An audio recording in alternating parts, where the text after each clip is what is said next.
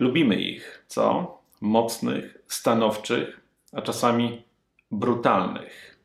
Takie wyobrażenie towarzyszy nam, gdy myślimy o królach, władcach czy przywódcach. Powiadamy wtedy, zwycięzców się nie sądzi i zwycięzców się nie ocenia. Zwycięzców się podziwia. Chcemy więc, aby stać u ich boku, być w ich drużynie. I znów sądzimy, że ich splendor spłynie także na nas, że ich siła zostanie nam przypisana. Czytania dzisiejszej niedzieli też mówią o władcy, o królu. Jest nim Jezus Chrystus. Król, jak mówi dzisiejsza Ewangelia, wszechświata. Król świata? Jezus? Czy dobrze słyszymy? Władca nieulękniony? Czy aby chodzi nam o tego samego cieśle z Nazaretu, tego robotnika? Czy to on, ten król, mocarz, nie został czasami skazany przez Piłata, a potem, przepraszam za słowo, jak zwykły oprych, przybity do krzyża? Czy chcemy być po jego stronie, po stronie kogoś, kto z naszego punktu widzenia przegrał? Czy to ma być lider, nasz przywódca, za którym mielibyśmy ochotę podążyć? W tekście Ewangelii Świętego Łukasza padają dziś znamienne słowa, podszyte wątpliwością. Jeśli ty jesteś królem, jeśli ty jesteś Mesjaszem, mówi jeden ze złoczyńców, który razem z Jezusem jest przybity do krzyża, to użyj swojej siły, użyj swojej mocy, aby nas ocalić.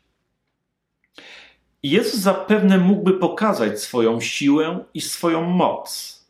Tem, o której myślimy, gdy stajemy naprzeciwko wroga, siłę, by go zniszczyć. Tymczasem on pokazuje zgoła coś innego. Z naszego punktu widzenia, można by rzec, skandalicznego. Oto król, oto władca okazuje słabość. Nie walczy. Woli niemoc niż przemoc. Ale czy to jest znak słabości, czy może przeciwnie, siły właśnie? Postawmy się w podobnej sytuacji. Czy my, znajdując się właśnie w analogicznej sytuacji, zrezygnowalibyśmy z przypisanej nam siły? Przykładowo, stając naprzeciwko słabszego, pokusa, aby mu, przepraszam, dokopać, jest duża. Pytanie jednak, czy w ten sposób pokazujemy swoją siłę, czy przeciwnie, okazujemy swoją słabość. Inna sytuacja. Czy stając naprzeciwko oszczercy, możemy mu oddać, odwdzięczyć się, tym samym rzucając mu w twarz mocne słowa.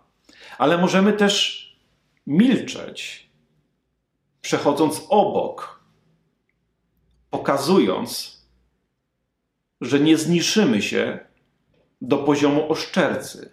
Czy to jest słabość z naszej strony, czy może wręcz przeciwnie, nasza siła? Czegoż zatem uczy nas ten słaby król, ten bezbronny Pan Wszechświata, Jezus Chrystus? W tym kontekście, o którym teraz mówimy, chcę przywołać świadectwo które składa święty Paweł w liście do Filipian. Słowa, które pokazują nam swoistą politykę kenozy. To greckie słowo, które znaczy uniżenie, samouniżenie, oddanie, które, jak się okazuje, praktykował cieśla z Nazaretu. A więc jest to polityka, to słowo używam w innym, szerszym, metafizycznym sensie niż to, które widzimy i obserwujemy, kiedy widzimy zachowania polityków. A więc jest to polityka dobrowolnego samoograniczenia, polityka skromności i polityka pokory, którą praktykuje cieśla z Nazaretu. Oto istniejąc Jezus w postaci Bożej, cytuję tekst Pawła, nie skorzystał ze sposobności, aby być na równi z Bogiem, lecz ogołocił samego siebie, przyjąwszy postać sługi, stawszy się podobnym do ludzi. A w zewnętrznym przejawie, uznany za człowieka, uniżył samego siebie, stawszy się posłusznym aż do śmierci i to śmierci krzyżowej. To koniec tego przejmującego hymnu z listu do Filipian.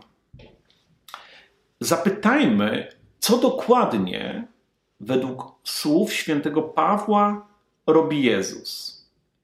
Dokonuje ruchu wycofania, zrzeczenia się tego, co mógł przecież spokojnie wziąć, gdyż mu się to należało jako Bożemu Synowi. On jednak robi miejsce dla ludzi, dla innych stworzeń, byśmy to my mieli władzę nad swoim życiem i nad swoim stworzeniem. Widzimy zatem, że Bóg wybiera niejako samego siebie, przyjąwszy postać sługi. Wybiera gest uniżenia i bezradności. Rezygnuje z władzy i panowania. Czyż ta swoista polityka pokory, samoograniczenia i uniżenia nie jest jedyną sensowną polityką na czas kryzysu, w którym żyjemy? Kryzysu ekologicznego, finansowego, etycznego czy klimatycznego. Czy dziś wolni tak naprawdę nie są ci, którzy zamiast mówić więcej, więcej i więcej. Więcej zakupów, więcej życia na kredyt, więcej dewastacji matki ziemi. Mają w sobie na tyle siły, mają w sobie na tyle wiary, by powiedzieć dość, dość, dość.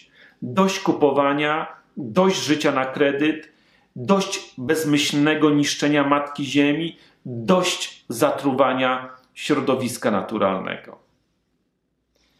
Cóż więc się dzieje, kiedy wyrzeczenie zaczynamy traktować jako zysk, a nie jako stratę?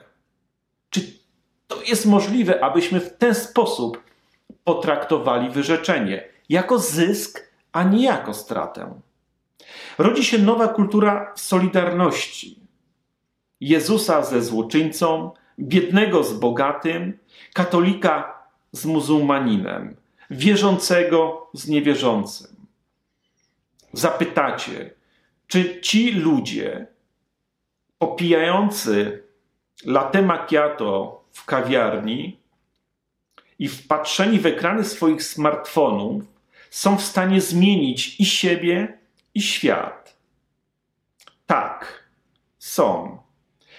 Są, jeśli bagnety zamienimy na lemiesze, ropę na słońce, a węgiel na wiatr. Tak stworzymy królestwo, o którym mówi Jezus i którego królem chciałby zostać. Możemy to zrobić. Już teraz. Do dzieła.